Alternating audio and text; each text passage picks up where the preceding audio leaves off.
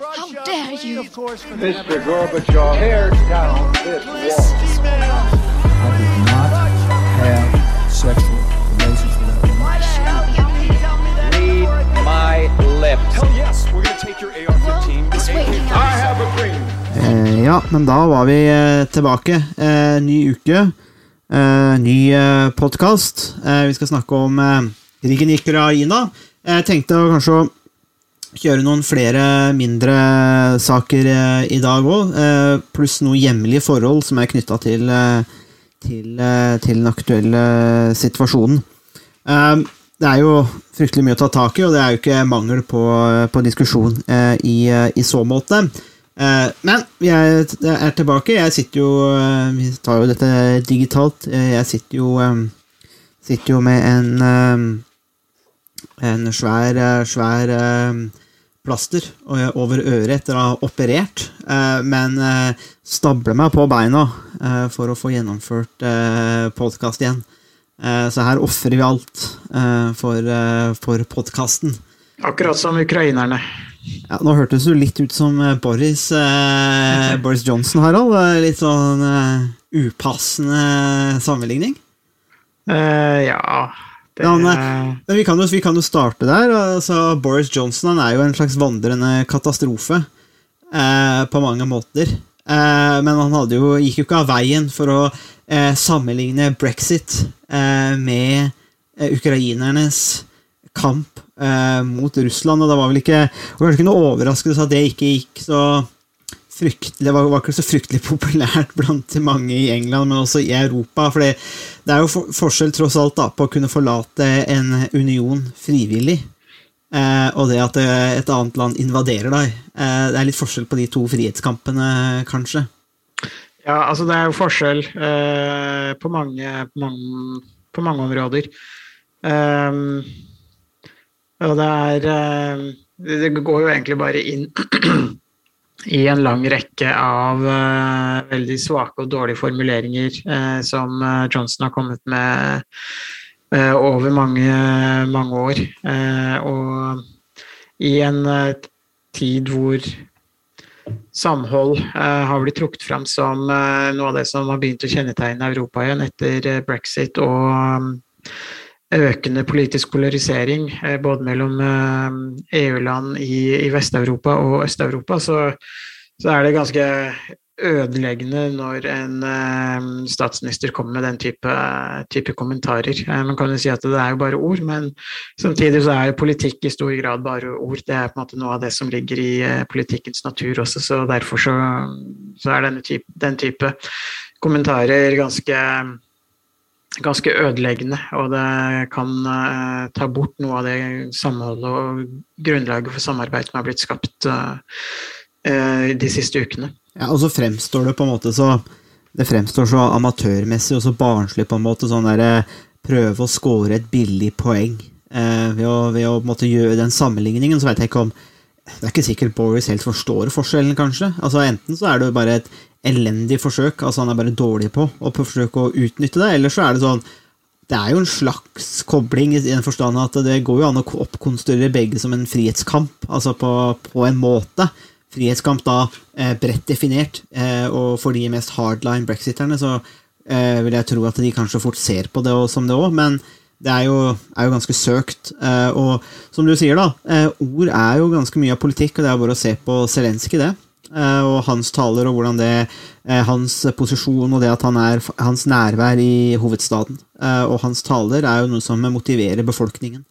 Og, og når man da snakker om ord, så ser man jo at da, når Zelenskyj har talt til britiske parlamentet, så har han jo spilt på ordene til Winston Churchill og sagt at ukrainerne skal kjempe i gatene, og de skal kjempe på flyplassen, og de skal kjempe på, på strendene eh, osv. Eh, og på en måte reflekterer der Winston Churchill, og det er jo kraftfulle ord. Eh, slik at eh, Ja, ord, betyr litt, da. Det er, det, er liksom, det er liksom hele poenget, faktisk, og det er litt det som er litt sånn spennende med Og, og så har du også Putin, ikke sant, som står på andre sida og bruker sine ord og bygger opp et narrativ.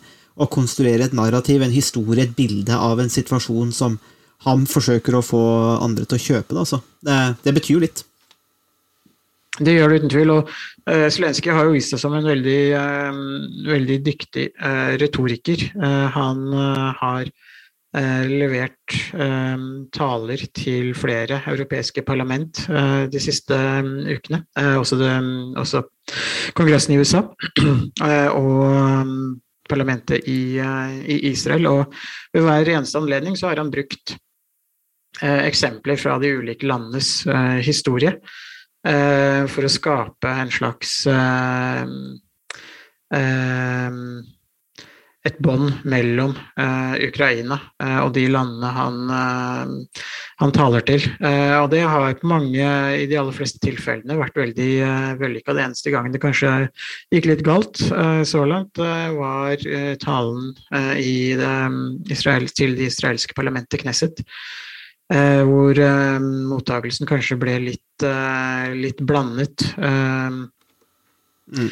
Men Og det er kanskje også litt overraskende, siden Zelenskyj selv er, er, jødisk. Så, så, skulle man tro at det skulle være mulig, og kanskje lettere enn i flere andre land, å, å skape et, et sterkt bånd mellom Eh, mellom Israel og, og Ukraina, eh, gitt eh, at Ukraina altså har hatt en ganske stor jødisk befolkning eh, historisk. Det, altså det slo jo ikke så godt an som du sier, i hvert fall blanda mottagelse. Og, eh, det er jo noe med dette med å bruke, Uh, som man også har sett ved noen anledninger, denne, denne, koblingen opp mot et, altså et holocaust, på en måte. Det er jo, det er jo, det er jo litt trøblete. Altså, det, er, det er litt farefullt terreng uh, i de tingene der. Men det er klart, uh, man, man, ser jo kanskje uh, Zelenskyjs poeng òg. Altså russerne med sine pogromer og jeg har jo ikke gått av veien for å renske ut folk før. Altså Det ligger i, litt i den russiske eller sovjetiske statens historie, dessverre.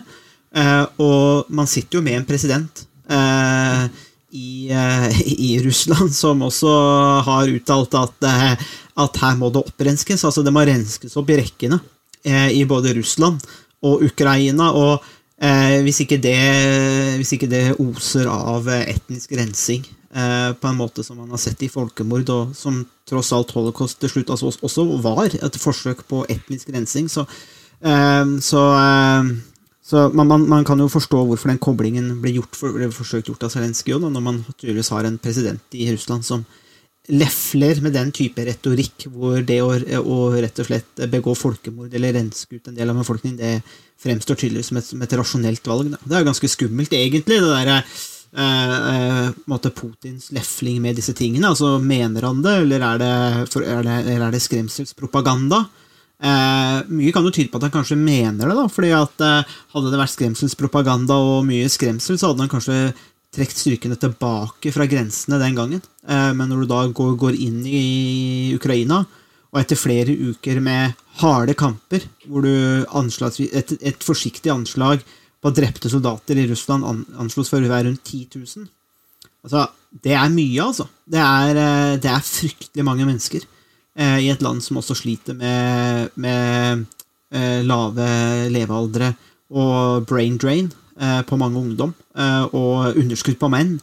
Eh, Pga. tidligere sovjetiske helter, hvis vi kan si det på den måten. Godguttene Stalin og for eksempel, gikk jo ikke av veien for å ofre en del millioner, og det sliter de jo fortsatt med i dag. Og Putin ser, ser ut til å fortsette i samme skola.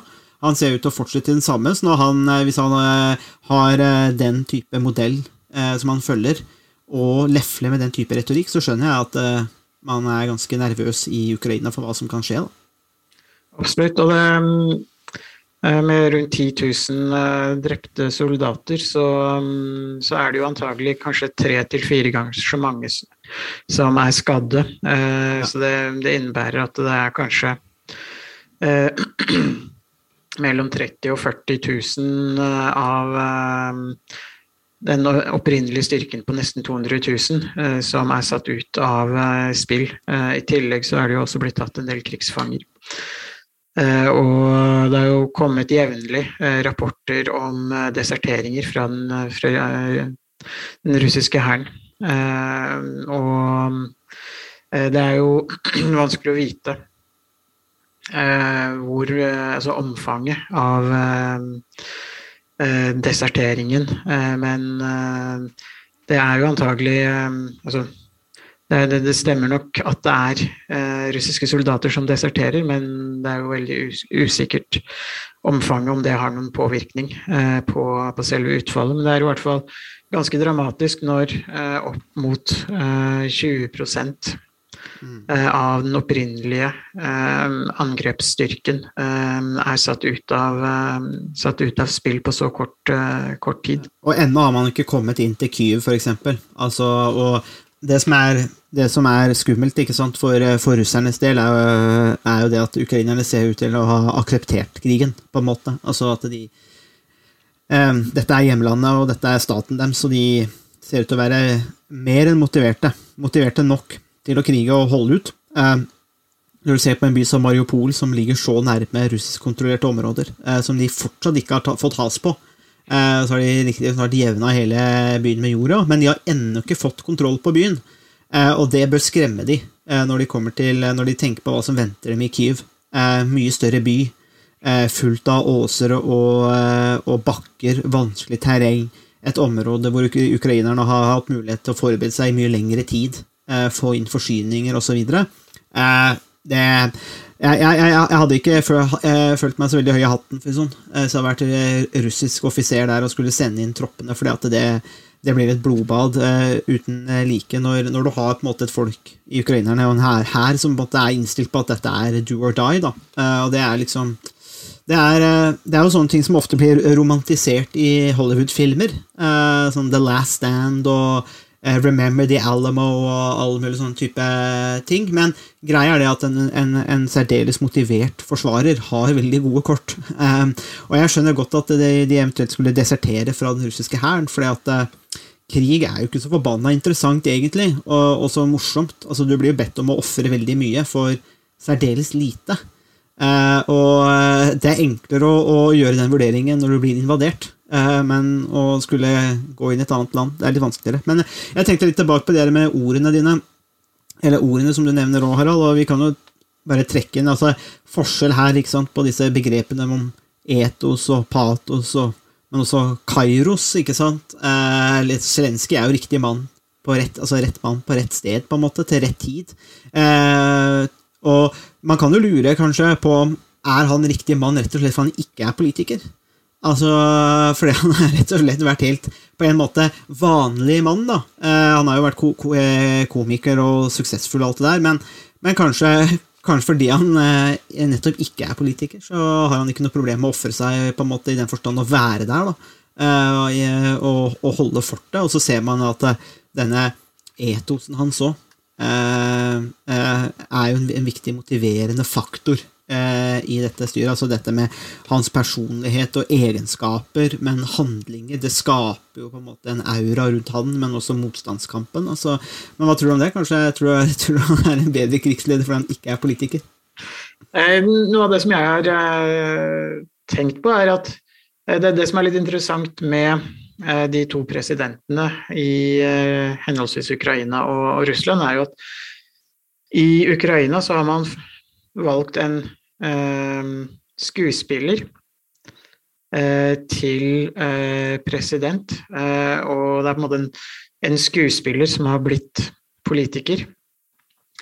Eh, og eh, han har kanskje tatt med seg noe fra skuespillerrollen over i politikken også. Og det som er interessant i Russland, er jo at der har man hatt Der er det en president som er politiker, men som på mange måter har blitt til en skuespiller eh, ved å holde alle disse nærmest teatralske eh, pressekonferansene og videooverføringene med 20 meter eh, lange bord og, og, alt det som vi har sett. Og for ikke mange dager siden så var det jo også et, et stort eh, massemøte i Moskva med opptil 200 000 eh, deltakere, hvor Putin eh, talte. Så det som er interessant, er at um, man har fått en skuespiller til å bli politiker, og så man har fått en politiker til å bli, uh, bli skuespiller. Og de har på en måte Putin står og, og lyver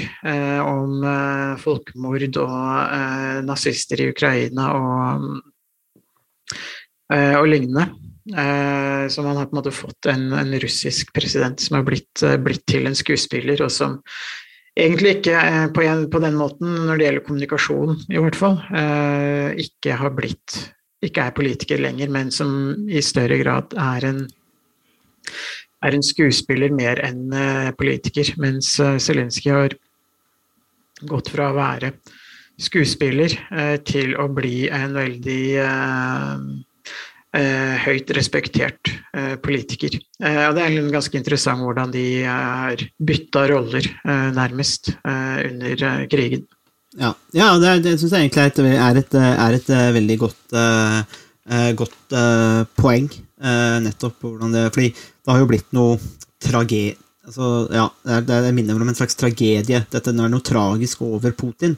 når du ser disse talene som er spilt inn, og den der var jo denne, forhåndsinnspilt, denne talen han gjorde om, disse nazistene og sånn, og det er liksom noe det er, altså, Så det er jo forberedt, eh, og det er jo det er noe som er litt sånn tragisk når du på en måte snakker om disse, dette nazifiserte Ukraina, at det foregår folkemord som er alvorlige anklager, men, men, da er jo, men da er spørsmålet hvor er bevisene for det? og og, og, det er jo litt påtagelig da, at eh, når russerne angriper og invaderer Ukraina, så flykter millioner av mennesker, og det merkes på alle naboområder.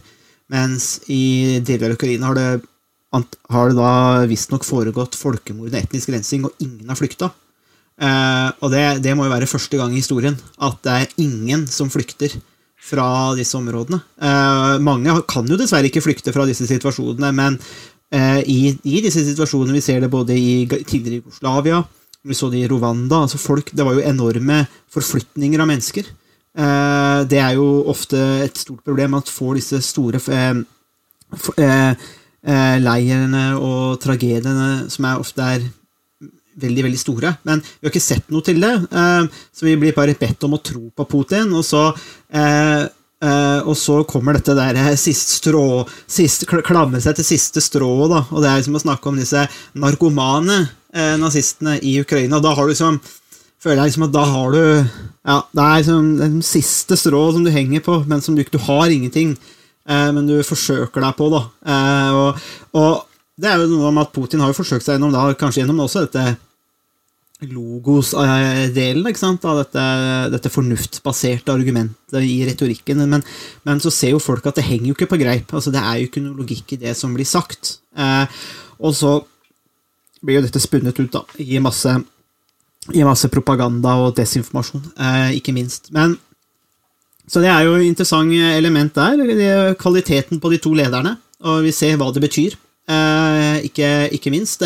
Et siste artig poeng der om Putin er at eh, ser ut til å hate Vesten eh, og snakke veldig stygt om Vesten, men det var jo ikke noe gærent med å holde dette, denne samlingen eller denne hva heter det, folkemøtet som, han hadde, som du refererte til på denne stadion, Harald, eh, i en 10 eh, 000, eller jakke til 10 000 euro fra et eh, europeisk motehus. Um, så det, dobbeltmoralen der og hatet for Vesten det går kun, kun, så langt, tror jeg. Men eh, jeg tenkte, dette er med de to lederne. En annen ting som jeg har lagt merke til, og som jeg tror er en, en viktig greie, det er, er at jeg tror en konsekvens av krigen er at Nato puster egentlig ganske letta ut, for de ser at det som på en måte skal være erkefienden, Russland, er egentlig en ganske inkompetent eh, militærmakt. Eh, de, har, de, har, fått lov til å bygge seg opp over flere år, de har utvikla eh, våpen, og de har et enormt arsenal. Altså, det er jo riktig. Men i kamp, eh, når de skal forsøke å ta et område, så viser de seg enda mer inkompetente enn det jeg tror noen hadde trodd på, faktisk. Eh, Ukraina, uh, Ukrainerne har forsvart seg kjempegodt. De har flomlagt områder, myrområder, som har gjort at disse konvoiene har stoppa opp. Uh, de har brukt terrenget til sin fordel, men de har klart å bruke alle disse våpnene. og mange av de er enkle våpen, de angriper i små grupper osv. Og jeg tror at dette er et kjempetap for Putin. Eh, fordi at nå forsvinner litt av den maska. Det, litt av det der eh, smokescreen, litt av det der showet. Det der eh, å vise fram alle disse tanksene som kjører rundt på, foran Kremlin og enorme militærmakten. Det ser veldig skremmende ut, og så blir de satt i praksis, dessverre. I Ukraina så ser man enorme tap. Og en ganske inkompetent militær styrke. Så jeg tenker at, at dette er en stor seier for Nato og Vesten faktisk. Og en, eh, det vil ta mange år for russerne å bygge opp igjen denne kapasiteten de mister, om de noen gang klarer det, med de sanksjonene som er. Altså hvor får de penger og råstoff og alle disse tingene hvis ingen vil selge til. Eh, de mister masse mennesker. Eh, det koster mye penger. altså Militæret er jo underskuddsbutikk. Eh, og så viser det seg at de ikke klarer så fryktelig mye. og eh, det, ja, jeg, jeg, tipper at, eh, at, Vesten og Nato tenker egentlig at jøss, yes, det her var egentlig ganske Sånn sett så er det en konsekvens jeg tror Putin taper veldig på, eh, faktisk. Ja, eh, det kan hende. Eh, du har rett i det. Det som jeg er litt usikker på, er jeg, helt, følger egentlig hele resonnementet om at det russiske forsvaret er helt avkledd. Og det antagelig vil være veldig vanskelig å bygge det opp. Både på kort sikt og lang sikt, spesielt med den økonomiske situasjonen som er i, i, Russland. Det som er kanskje frykten eh, til Nato i, eh, i den situasjonen her, er at med et avkledd, konvensjonelt russisk forsvar, eh, så kan det gjøre at terskelen for å bruke atomvåpen Eh, blir eh, redusert, eh, og at Russland egentlig ender opp med å, kunne, måtte basere forsvaret av Russland, men også en eventuell angrepskrig, som vi ser i Ukraina nå, på atom på å bruke, rett og slett bruke atomvåpen. Og hvis Eh, hvis det avkledde russiske forsvaret er med på å øke faren for atomkrig, så eh, kan man kanskje si at man har, står i en enda farligere situasjon.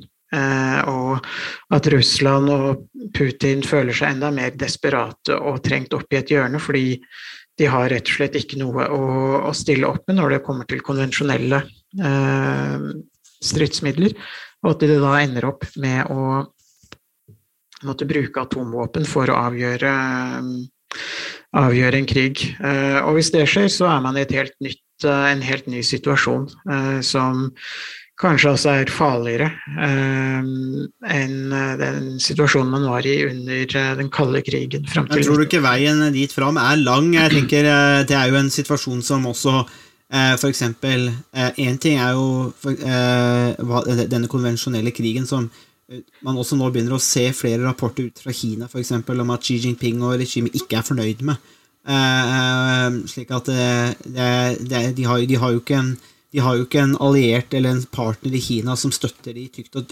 tynt i, uh, i Kina. Uh, jeg tror kanskje at bruk av, av masseødeleggelsesvåpen, f.eks. Jeg tenker jo kanskje umiddelbart at det er et steg for langt for Putin, rett og slett fordi at det er, sånn, det er så oversjokk og et maktmisbruk som gjør at da vil sjøl disse stormaktene reagere på en måte som at da, da er du kokt, da. Uh, jeg, jeg, men jeg, jeg, ser hva du mener, at du kan få en mer desperat Putin. Uh, det er jo uh, det er jo, er det jo ingen tvil om. og så, så det, jo, det, og det her er jo, blir jo bare spekulasjoner, da, men Ja. det er det som er vært en utvikling når det gjelder, eller endring når det gjelder atomvåpen de siste eh, tiårene, er at man har utviklet eh, eh, atomvåpen som er ganske, som er ganske liten eh, sprengkraft. Eh, så man har eh, atomvåpen som har en sprengkraft som er ca. 0,3 i forhold til Eller ca. 30% av Eh, Hiroshima eh, og Nagasaki-bombene. Eh, som gjør at man skiller mellom såkalte mer taktiske atomvåpen, som kan brukes litt mer som konvensjonelle Litt mer som konvensjonelle våpen, som har mye mindre sprengkraft. Um, som er skille mellom taktiske og strategiske. Taktiske er de, de stridshodene som kan brukes um, for, uh, som en advarsel, um, eller til å ta ut militærbaser eller andre, andre mål. Men strategiske stridshoder er de store eh, atombombene som kan brukes til å utslette hele byer og nærmest hele land. Uh, så det er også blitt gjort mange eh, simuleringer ved ulike forskningsinstitusjoner om hvordan en atomkrig kan, kan utspille seg, og mange av de simuleringene er ganske, er ganske dramatiske hvor man i løpet av noen få timer eh, har sett eller simulert seg fram til at det har vært opp, opp mot 90 millioner døde i eh, Russland, Europa og USA. Så sånn sett så, så er det Man skal ikke akkurat krisemaksimere det, mm, gjøre det mer dramatisk enn det er. Eh, men eh, flere eksperter på atomvåpen har vært ute i mediene de siste dagene og ukene og sagt at det er fortsatt en liten fare eh, for at atomvåpen blir brukt, men den er mye høyere enn eh, det man har sett, sett tidligere. Så det ville jo vært et ganske katastrofalt scenario dersom mm. atomvåpen ble brukt. Og det ville jo også være veldig vanskelig for Nato og USA å vite hvordan man skal respondere dersom dersom Russland bruker atomvåpen. Eh, man har eh, kanskje sett for seg at eh, Russland, hvis de skal bruke atomvåpen, eventuelt vil bruke noen av de, de mindre atomvåpnene, de taktiske. Og da er spørsmålet hvordan vil man respondere på det? Vil man gjengjelde mm. med atomvåpen? Og for så på en måte vise at uh, man, uh, man ikke aksepterer uh, bruk av atomvåpen, for så måte kaste ballen over til Russland igjen. Hvor det er de som må ta beslutningen om de vil eskalere videre og øke bruken av atomvåpen eller ikke. Så, og det kan jo bli, veldig raskt bli en negativ spiral som kan komme ut av eh, kontroll. Så det kan være eh, ganske, ganske skremmende eh, mm. scenarioer man, man, snakker om. Vi er, vi er, jo ikke der enda, men samtidig så var det ingen som hadde kanskje forestilt, forestilt, seg en invasjon lik den vi fikk. Ja, altså jeg, jeg er usikker, fordi det, det er, og det er for bare for å følge opp det du sier nå, for det er det her som kanskje er litt skremmende. og men på en måte litt spesielt òg. Det var det at f.eks. USAs etterretning var veldig tidlig ute, og Biden og etterretningstjenesten var veldig ute med, å fortelle verden at nei, nei det blir invasjon. Det, det, blir det. Altså, og det ga jo, ga jo amerikanske myndigheter for eksempel, mye kredibilitet, at, og det ødela jo en del for Putin. for han, han hadde jo sagt at de skulle trekke seg tilbake, og det var bare øvelser. Og så står USA der og sier, og store, slemme Vesten står og sier at nei, men det blir invasjon. Og så ble det invasjon. Eh, selv om Putin hadde ljugd og sagt at det skulle ikke bli det. Eh, men så følte han seg vel tvunget da å bortforklare det på en eller annen måte.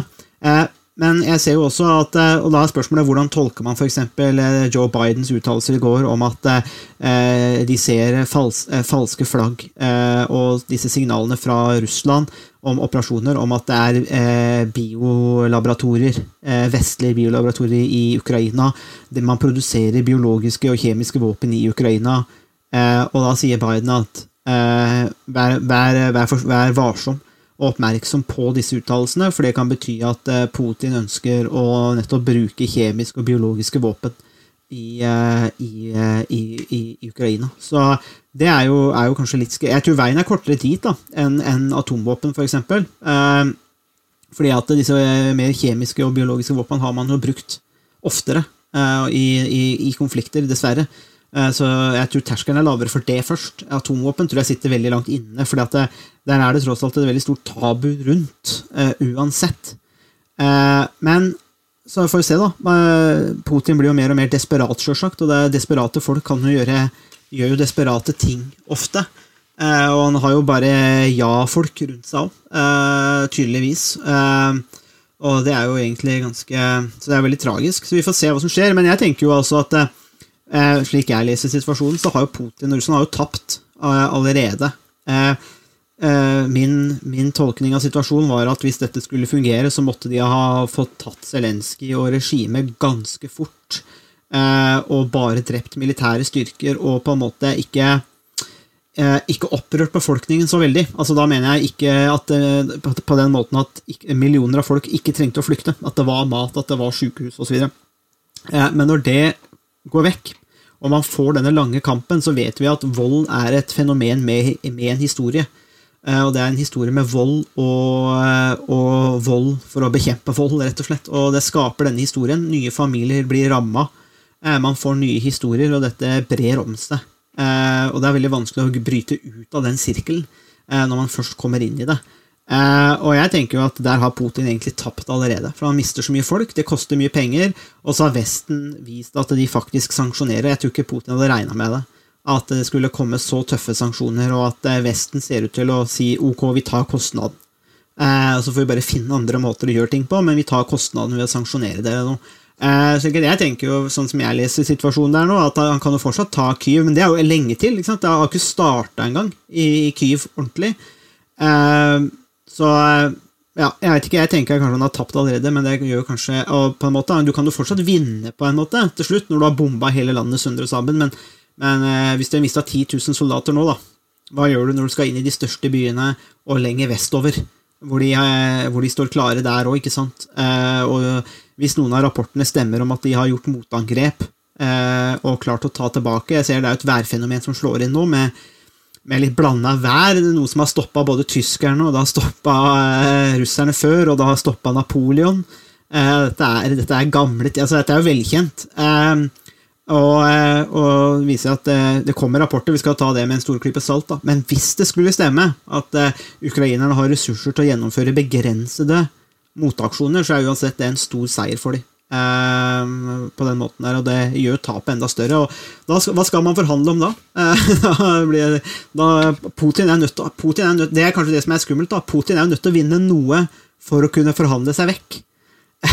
kan, eh, ikke sant? Eh, for ellers så blir han jo stående som den aller største taperen. Eh, det gjør han uansett nå, men, han, men noe må jo nå ha. Eh, han kan ikke, Selv i Russland så kan ikke han si at ok, vi har lagt halve Ukraina i grus, og så fortsetter Zelenskyj.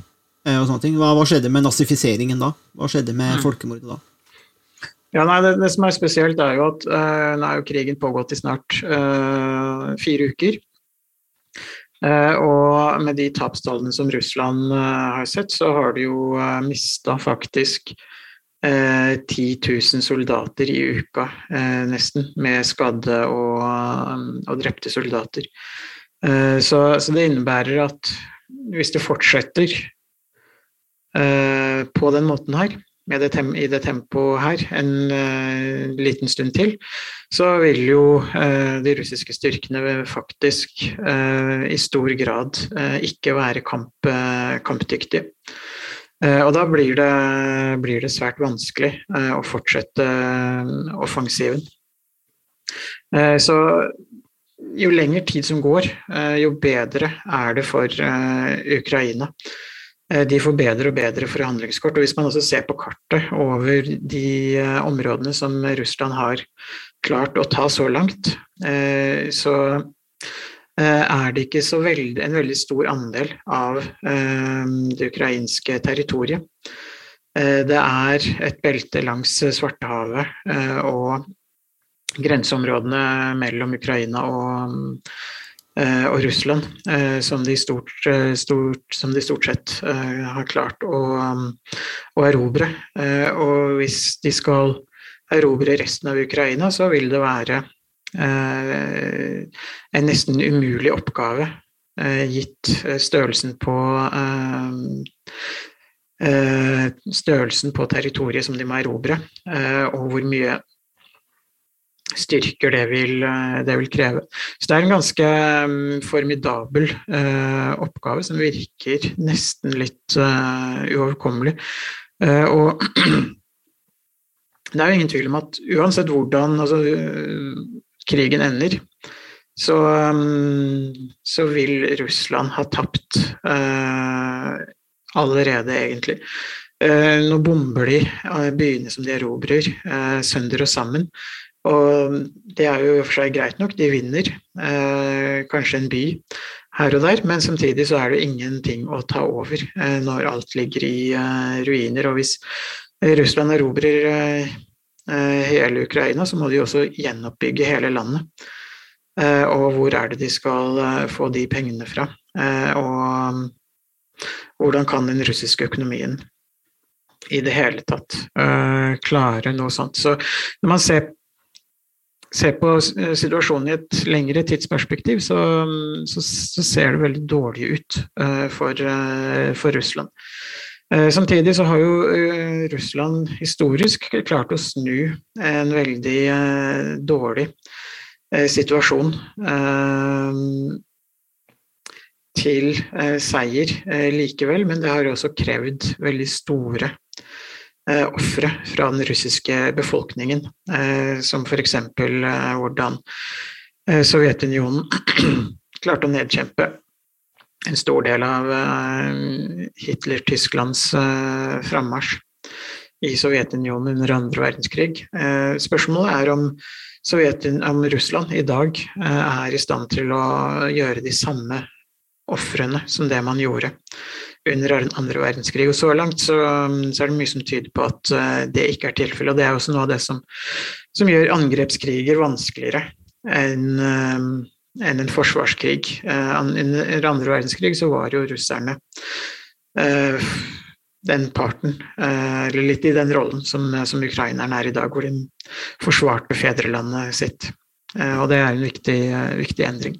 Ja, det er jo det som er er, er, er motivasjonen. Det er ikke så, er ikke så vanskelig å kjenne på, på det òg. Altså, om det er noen som kommer og på en måte eh, ja, erklærer at du ikke har lov til å være suveren, og du kan ikke styre over ditt eget liv, og de ødelegger alt, så er du litt sånn Til slutt så sier du egentlig bare fuck it. Altså, og driver du et folk langt nok, så, så er det klart at eh, de sitter med mange ukrainere som ikke ser at de har noe å tape heller. For det, det, det, blir på en måte en sånn eksistensiell krig. Eh, og og En stor forskjell der tenker jeg er jo at Putin ser ut til å forsøke å legitimere og motivere tropp, altså legitimere krigen og motivere troppene sine via ideer. Altså, det er en idé om nazifisering av Ukraina. Det er en kamp, sånn som han ser det, da. Eh, det gode mot det onde.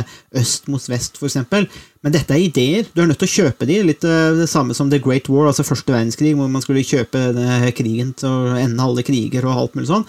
Men det er bare tull. Mens ukrainerne har veldig konkret motivasjon. Altså, de har noen som tar landet deres og bomber byene og ødelegger, eh, og vi vil gjerne ha de ut igjen. Eh, det er veldig konkret motivasjon, eh, som er mye sterkere enn en slags abstrakt greie og ting man finner opp.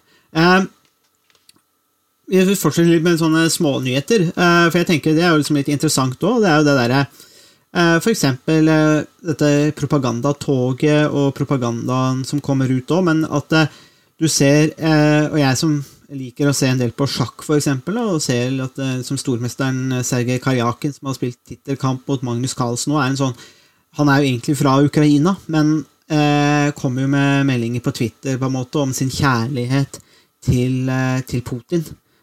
Sin store leder, som han, som, han, støtter opp og mener han trenger ikke å spille sjakk lenger, for han uh, har fedrelandet sitt og Putin, uh, en del av Putins hær og, uh, og, og, alt mulig sånn. Og det, det tenker jeg er ganske, ganske drøyt. Og hva har sett det på disse andre utøverne òg. Altså Aleksandr Bolsjunov, Sasha Bolsjunov, den store skiløperen.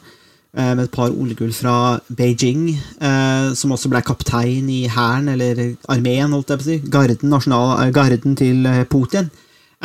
Og du ser en del av denne type informasjon, men jeg syns det er ganske drøyt å se, egentlig òg.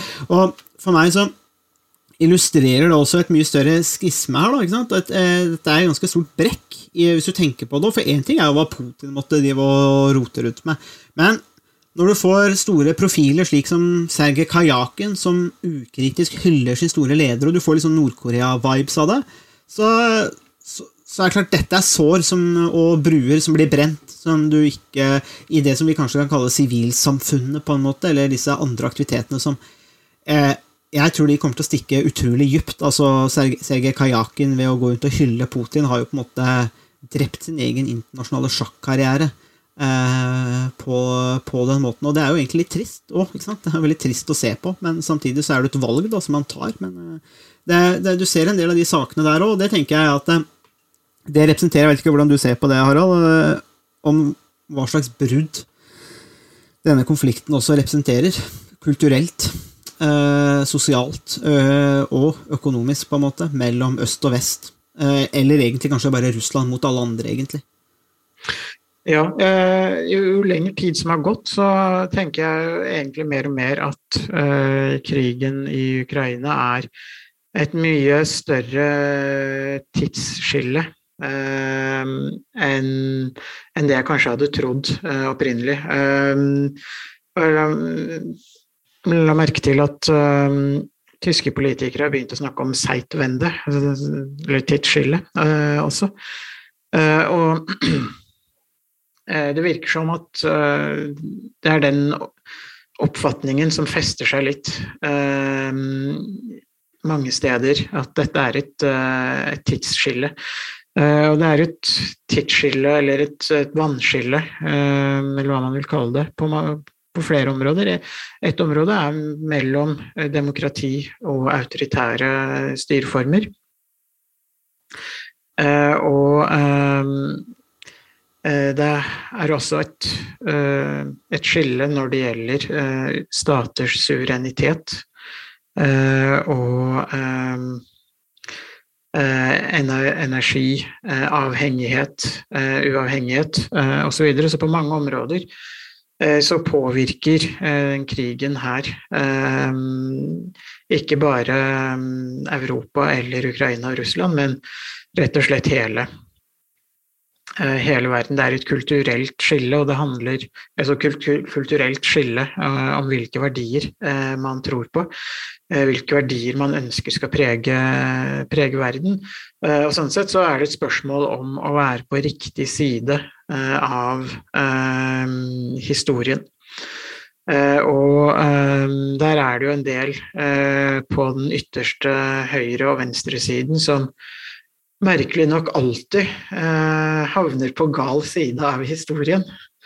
Eh, man skulle nesten tro det var vanskelig å komme på feil side av, eh, av historien eh, hver eneste gang. Det er, det det minste konsekvente, da. Så da er det konsekvente og, og stabile. Det, det, det, skal de ha. Eh, men det, hjelper kanskje ikke eh, når de uansett tar feil. Eh, og det er kanskje noe av det som er litt uh, tragisk i situasjonen vi står oppe i nå også, å se en del av de um, uh, stemmene på både på ytterste høyre og venstre som uh, som nok en gang lander på, på, feil, på feil side av historien. Og det det er trist, ehm, og det egentlig være, skulle egentlig være unødvendig. Man finner eksempler på det både i, eh, i Norge og internasjonalt som, eh, eh, som, er ganske hårreisende i, i den sammenhengen. Ja, det er, det er verdt å merke seg, kanskje denne hendelsen, og vi kan jo sikkert bruke den i undervisning og analyse i mange år framover, akkurat som denne tidsvendingen, eller som, som, som, som, du snakker om. Da. På en måte er det tidsskillet her som eh, vil, vil, stå seg kanskje litt som murens fall, eh, på en måte, altså hvor man legger noen, eh, legger noen eh, føringer, kanskje, eh, for hvordan man vil at ting skal være. Eh, og man får en liten vekker, og så kan man jo kanskje håpe at de jeg, jeg vet ikke. Jeg tror, ikke. jeg tror, kanskje ikke Francis Fukuyama eh, skriver ny bok om uh, End of History uh, hvis, etter, etter, denne krigen. Men uh, vi, vi, får jo se hvordan det blir der. Men dette var jo uansett noen små saker som, og, som er interessante i, i, seg sjøl, og som også sier noe om den større totalutviklingen. Så får vi se da, hva som blir veien videre i Ukraina.